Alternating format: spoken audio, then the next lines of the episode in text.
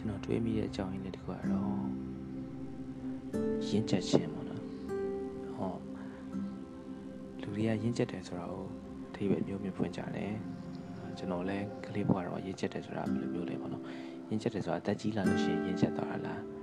အဲဒါမှမဟုတ်လို့ရှိရင်လူငယ်တွေကလည်းဘယ်လိုအခြေအနေမှာရင့်ချက်သွားနိုင်လဲလူကြီးတွေအောင်အသက်ကြီးပြီးတော့မရင့်ချက်တာမျိုးရှိနေလား ရင့်ချက်တယ်ဆိုတာကိုဘယ်လိုမျိုးအထိပ္ပယ်ဖွင့်မလဲဘယ်လိုမျိုး benchmark လုပ်မလဲအဲဘယ်လိုတိုင်းတာမလဲပေါ့နော်အဲ့တော့အဲ့ရင့်ချက်တယ်ဆိုတဲ့စာကိုကျွန်တော်ကတော့တော်တယ်အထက်တယ်ထူးချွန်တယ်ဆိုတဲ့ဟာလည်းမရောထွေးစေချင်ဘူးအဲကျွန်တော်အမြင်မှာတော့သူတယောက်ကတော်တယ်အဲပြောရဆိုတော့တော်တယ်ပေါင်းသစ်စစင်ကောင်းတယ်လုပ်ငန်းခွင်မှာအရင်အားကိုရတယ်ဆိုတော့အဲ့ quality အများကြီးရှိတယ်အာ လူတော်တယောက်မှရှိတဲ့ quality တွေပေါ့နော်အဲ့လူတော်တိုင်းလည်းကျွန်တော်ကရင့်ကျက်တယ်လို့မမြင်ဘူးအာပေါင်းသစ်စင်ကောင်းတိုင်းလည်းရင့်ကျက်ချင်မှရင့်ကျက်မယ်အာလူတော်တူတိုင်းလူဝင်ဆက်တိုင်းအာဘယ်လောက်ပဲချမ်းသာချမ်းသာဘယ်လောက်ပဲဆင်းရဲဆင်းရဲပေါ့နော်အဲကျွန်တော်ရင့်ကျက်တယ်ဆိုတော့အရာကိုတိုင်းတာတဲ့ချက်လေးတော့ချက်ရှိပါတယ်အဲ့ဒါကတော့ဘာလဲဆိုတော့လူတယောက်ကဘယ်လောက် ကိုယ့်ဘမှာအမားလောက်ထားတဲ့တခြားလူတယောက်ကိုနော်ဘယ်လောက်ထိခွင့်လွှတ်နိုင်ဆိုရင်ရှိတယ်ဆိုတော့အချက်ဖြစ်ပါတယ်နောက်တစ်ချက်ကတော့အာလူတယောက်ကဘယ်လိုအခြေအနေမှာပဲဖြစ်ဖြစ်ပေါ့နော်ဘယ်လောက်ထိကိုယ့်ကိုနှိမ်ချနိုင်လဲဟောနောက်တစ်ချက်ကကျတော့မျောလင့်ချက်မရှိဘဲနဲ့ကိုယ်တက်ပြန်ရမယ်ဆိုတော့မျောလင့်ချက်မရှိဘဲနဲ့ပေးနိုင်တဲ့စိတ်ဓာတ်ပေါ့နော်ပေးနိုင်တဲ့စိတ်ထားမျိုးမွေးနိုင်လားမမွေးနိုင်ဘူးလားပေါ့ အဲကျွန်တော်ကတော့ဒီချက်၃ချက်ပေါ့နော်အဲချက်၃ချက်ကိုကြည့်ပြီးတော့လူတယောက်ဘယ်လောက်ထိရင့်ကျက်လဲဆိုတာကိုကျွန်တော်လေ့လာပါတယ်အဲ့တော့ဒါကတော့ကျွန်တော်ရဲ့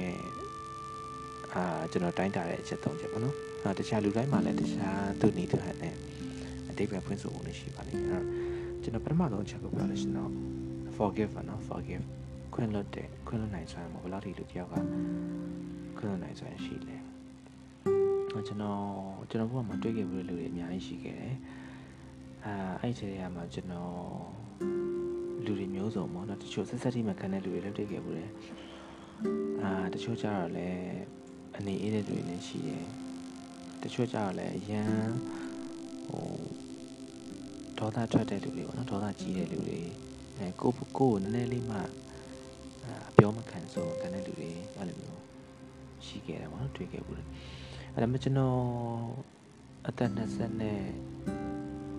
ခေါ်လောက်ပါပေါ့နော်20ခေါ်လောက်ပါကျွန်တော်တွေ့ခဲ့တဲ့အမျိုးသမီးတယောက်ပေါ့နော်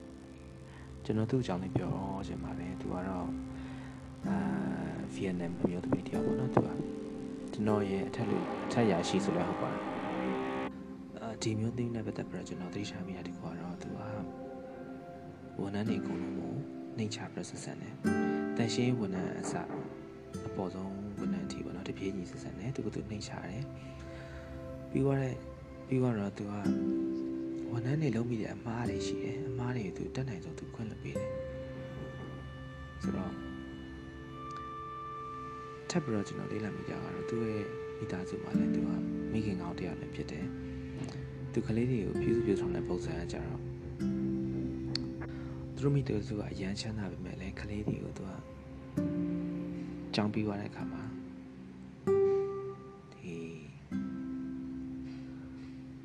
ပတ်စံကိုကလေးလက်ထဲကိုထည့်မပေးလိုက်ဘူးပေါ့နော်ကလေးတွေကိုအဲတခြား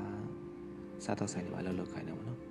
ဆိုတော့သူတို့သူတို့နေတဲ့နိုင်ငံမှာတော့အဆင်ပြေတယ်အဲ့လိုမျိုးဩစတြေးလျမှာတော့သူတို့စားတော့ဆိုင်တွေမှာအဲတခြားသူများအိမ်တွေမှာသူတို့လှုပ်လှုပ်တယ်လှုပ်လှုပ်ပြီးတော့ဒီပတ်စံရဲ့တန်ဖိုးနားလည်အောင်သူလုပ်တယ်ပေါ့အဲ့တော့ကလေးတွေကအောက်သက်ကြည့်တယ်ပြောလို့ရှိရင်ပိုပြီးတော့ရင့်ကျက်လာတယ်ပေါ့ အဲ့သူကိုယ်တိုင်လည်းကလေးတွေအဲ့လိုမျိုးပြုပြင်ထိန်သိမ်းပေးတယ်ကလေးတွေပုံမှာသူမေတ္တာနဲ့နွေးနွေးချွေးနဲ့အုပ်ချုပ်အုပ်ချုပ်တယ်ပေါ့နော်အဲ့တော့သူလည်းဝန်ထမ်းတွေပုံမှာလည်းသူလိုမျိုးပဲသူသူရဲ့တာသမီတွေပဲဟောထားပြီးတော့သူဆက်ဆံတယ်သူသူနှိမ့်ချတယ်ခွင့်လွှတ်ပေးတယ်အဲ့တော့ဒီမျိုးသမီးနဲ့ပတ်သက်လို့ရှိရင်တော့ကျွန်တော်ပြောလို့ရတာတွေကတော့အများကြီးပါပဲတချို့ဖြစ်ရတယ်အဲ့တော့တခုကတော့ကျွန်တော်ကိုယ်တိုင်လည်းအဲ့လိုမျိုးလုပ်ခဲ့တဲ့အမှားတခုပေါ့နော်အဲ့ဒီအမှားကိုကျွန်တော်သူ့ပုံမှာ သူလုပ်ခဲ့တဲ့ပုံစံမျိုးကျွန်တော်ပြောမိခဲ့တယ်ပေါ့နော်အဲ့ဒါမျိုးအခြေအနေမျိုးမှာတော့မှကျွန်တော်ကျွန်တော်ရဲ့အမှားတွေသူဘာမှဝင်မယူခဲ့ဘူးပေါ့နော်အဲ့လိုမျိုးသူကျွန်တော်ရင်းချက်တယ်ဆိုပြီးတော့ကျွန်တော်ကျွန်တော်ရဲ့ပေတန်းနဲ့ကျွန်တော်တိုင်းပြီးတော့ကျွန်တော်သတ်မှတ်ပါတယ်ပြီးတော့နောက်ထပ်ကျွန်တော်တွေ့ခဲ့မှုတဲ့ပုံကိုတရားကတော့ အမျိုးသားတရားပေါ့နော်သူကြတော့အာအားလုံးလည်းသိပါပါဒီရာဝတီဘန်ရဲ့ဥက္ကဋ္ဌကြီးဦးစောစောပေါ့နော်အကျွန်တော်ဒါကတော့ကျွန်တော်ကကျွန်တော်ကိုယ်တိုင်လည်းကြုံခဲ့ရမှာမဟုတ်ဘူးပေါ့တခြားကျွန်တော်ရဲ့အာ Facebook က friend တယောက်ပြောတာပေါ့နော်သူဟိုတယ်တခုသွားတဲ့ခါကျတော့ဥစ္စာဆိုအပေါ်ကနေပြီးတော့ဘော်ဒါကနေဆင်းလိုက်တဲ့အခါမှာသူနဲ့မျက်နှာချင်းဆိုင်တွေ့တာပေါ့နော်မျက်နှာချင်းဆိုင်တွေ့တဲ့ခါကျတော့ ပုံမှန်ဆိုလို့ရှိရင်တော့မျက်နှာလွဲပြီးတော့မျက်နှာလွဲပြီးထွက်သွားမှာပေါ့အဲ့နဲ့ဥစ္စာနဲ့သူနဲ့မျက်မျက်လုံးချင်းတက်ဆိုင်တဲ့ခါကျတော့ဥစ္စာကသူခါးလေးညစ်ပြီးတော့ဟုတ်ကဲ့ပါခင်ဗျာဆိုတာလည်းမျိုးဆိုတော့ဒါဒီတကြွချမ်းသာတဲ့ဒီတထေးတရားမှာပေါ့နော်ဒီလိုမျိုးတွေ့ရလိမ့်မယ်လို့ကျွန်တော်တို့မထင်မှတ်ပဲနဲ့ပေါ့နော်ဒီလိုမျိုးကြုံရလိမ့်မယ်လို့မထင်မှတ်မထင်မှတ်ထားတဲ့အပြုမှုမျိုးပေါ့နော်အဲ့တော့အဲ့လိုမျိုးလည်းကျွန်တော်တွေ့ခဲ့ပူပါတယ်တခြားအဲ့လိုမျိုးဒီအ သက်ကြီးဝါကြီးပေါ့ကျွန်တော်တွေ့နေတွေ့ပူတဲ့ဒီအဖိုးကြီးတယောက်ဆိုလို့ရှိရင်သူက Silicon Valley မှာသူကလဲလို့ Silicon Valley မှာပေါ့နော်သူ company ထောင်ထားတယ် Silicon Valley ဆိုတာဒီ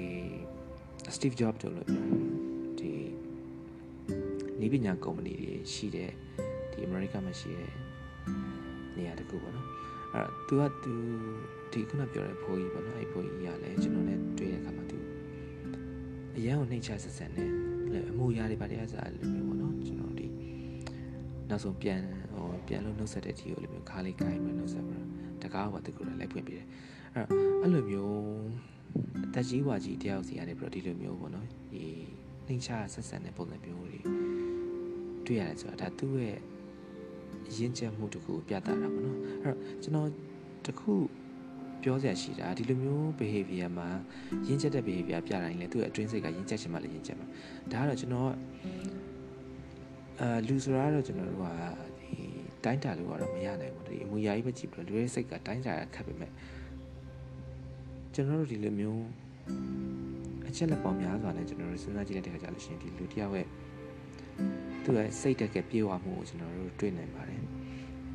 နောက်ပြီးတော့မိဘတွေပေါ့နော်ကျွန်တော်တခုပြောချင်တာမိဘတွေမှာတချို့မိဘတွေက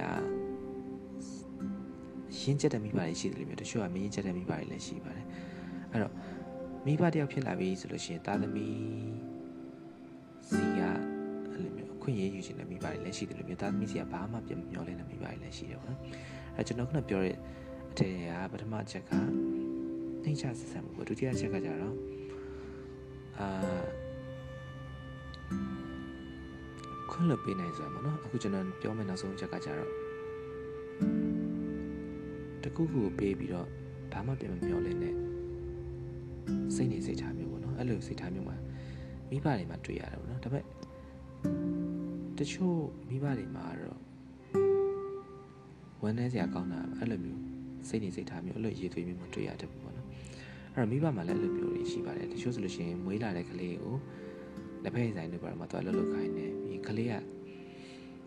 လာမကုန်သေးဘူး လာတာကိုမိဘကြိုထုတ်သွားတယ်ကလေးကတလလုံးအဲ့လိုမျိုးကြုံယုံပြီးလှုပ်လှုပ်ပါတယ်အဲ့လိုမျိုးပေါ်ရတယ်လည်းအများကြီးရှိတယ်အဲ့တော့မွေးလာတယ်ဆိုတာခိုင်းစားဖို့မွေးလာပြီးတော့လို့ရှိရင်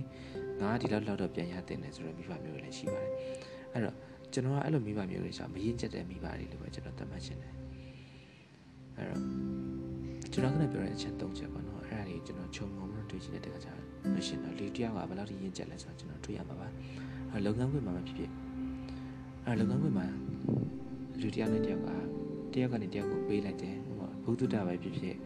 ဒါမှမဟုတ်လို့ရှင်ပစ္စည်းတစ်ခုပဲဖြစ်ဖြစ်ပေါ့နော်ပေးလိုက်တယ်အဲသူကဘာမှပြမမျောလိမ့်မယ်ပေးလိုက်တယ်လို့ဆိုလို့ရှင်ဒီလိုပဲစိတ်သက်အစင်တန်ဘယ်လိုပဲဖြစ်တာမန်လူထက်တော့မြင့်တယ်ဆိုတော့ကျွန်တော်တို့လက်ခံလို့ရတယ်အဲ့တော့တချို့ကျွန်တော်ကြုံမှုပါတယ်အဲ့လိုမျိုးယုံတွေတခုတချို့မှာပေါ့နော်အဲ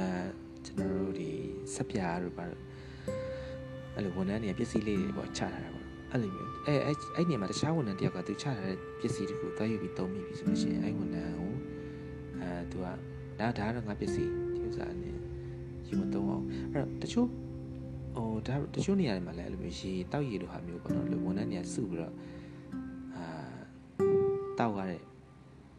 ကုမ္ပဏီမျိုးတွေပေါ့နော်အဲ့လိုမျိုးရေပိုးပေးရတာပေါ့အဲရေဘူးတပူးဆိုတာလည်းကျွန်တော်ဘယ်လောက်မှမရှိပါဘူးအဲတချို့ အဲ့လိုမျိုးမှားပြီးတော့လေရတောက်ပြီးဆိုတော့အဲ့တော့ကိုယ်စီကပတ်စံလေးတစ်ချက်တစ်ပြားပဲ့ပါသွားတာလေးကိုကျွန်တော်မြင်နေပြီဆိုလို့ရှိရင်ကိုယ့်ရဲ့ရင့်ချက်မှုပေါ့နော်ကိုယ့်ရဲ့ဒီစိတ်ထားပြေဝမှုပေါ့အဲ့ဒါကိုကျွန်တော်မိကုံးထုတ်เสียရှိလာပါတယ်အဲ့တော့အခုနကကျွန်တော်တို့ပြောခဲ့တဲ့အချက်၃ချက်ပေါ့နော်အဲ့ချက်၃ချက်စလုံးကအများကြီးစဉ်းစားကြရတယ်ရှိပါတယ်ကျွန်တော်နေ့စဉ်တွေ့နေရတဲ့လူတွေမှာဒီ၃ချက်စလုံးဒီအရေးသွေး၃စလုံးပြေဝတဲ့လူစလုံးကျွန်တော်အများကြီးလည်းမတွေ့ခဲ့ဘူးပါဘူး း တကယ်လို့တွေ့ခဲ့ဘူးလို့ရှိရင်လည်းအဲ့လူတွေနဲ့ကျွန်တော်နဲ့ကျွန်တော်ဘဝမှာပေါ့နော်အဲ့လူတွေနဲ့ကျွန်တော်ဖြတ်တန်းခဲ့ရတဲ့အချိန်တွေကတခါမှလည်းအဲ့လိုမျိုးအကျိုးမရောက်ခဲ့ပါဘူးတခါမှလည်းကျွန်တော်စိတ်ဆင်းရဲတယ်ဆိုတာလည်းမရှိခဲ့ဘူးပြီးသွားလို့ရှိရင်ကျွန်တော်နှစ်ပေါင်းများစွာကြားတဲ့ခါကျလို့ရှိရင်သူတို့နဲ့ဖြတ်တန်းခဲ့ရတဲ့အချိန်တွေကတကယ်ကိုပြန်ပြီးတော့ပြောရှင်စရာပြန်ပြီးတော့အမှတ်ရစရာတွေပြန်ပြီးတော့လွမ်းဆွေးစရာတွေနဲ့ပြည့်နေတဲ့အချိန်မျိုးတွေပဲဖြစ်တာကျွန်တော် ကျွန်တော်ဒီနေ့အဲ့လောက်လေးပဲကျွန်တော်ပြောပါရမယ်ခင်ဗျာကျွန်တော်ကျွန်တော်ကိုယ်တိုင်လည်းရင်ကျက်တဲ့လူတစ်ယောက်ဖြစ်အောင်ကြိုးစားနေပါတယ်အားလုံးကျေးဇူးတင်ပါ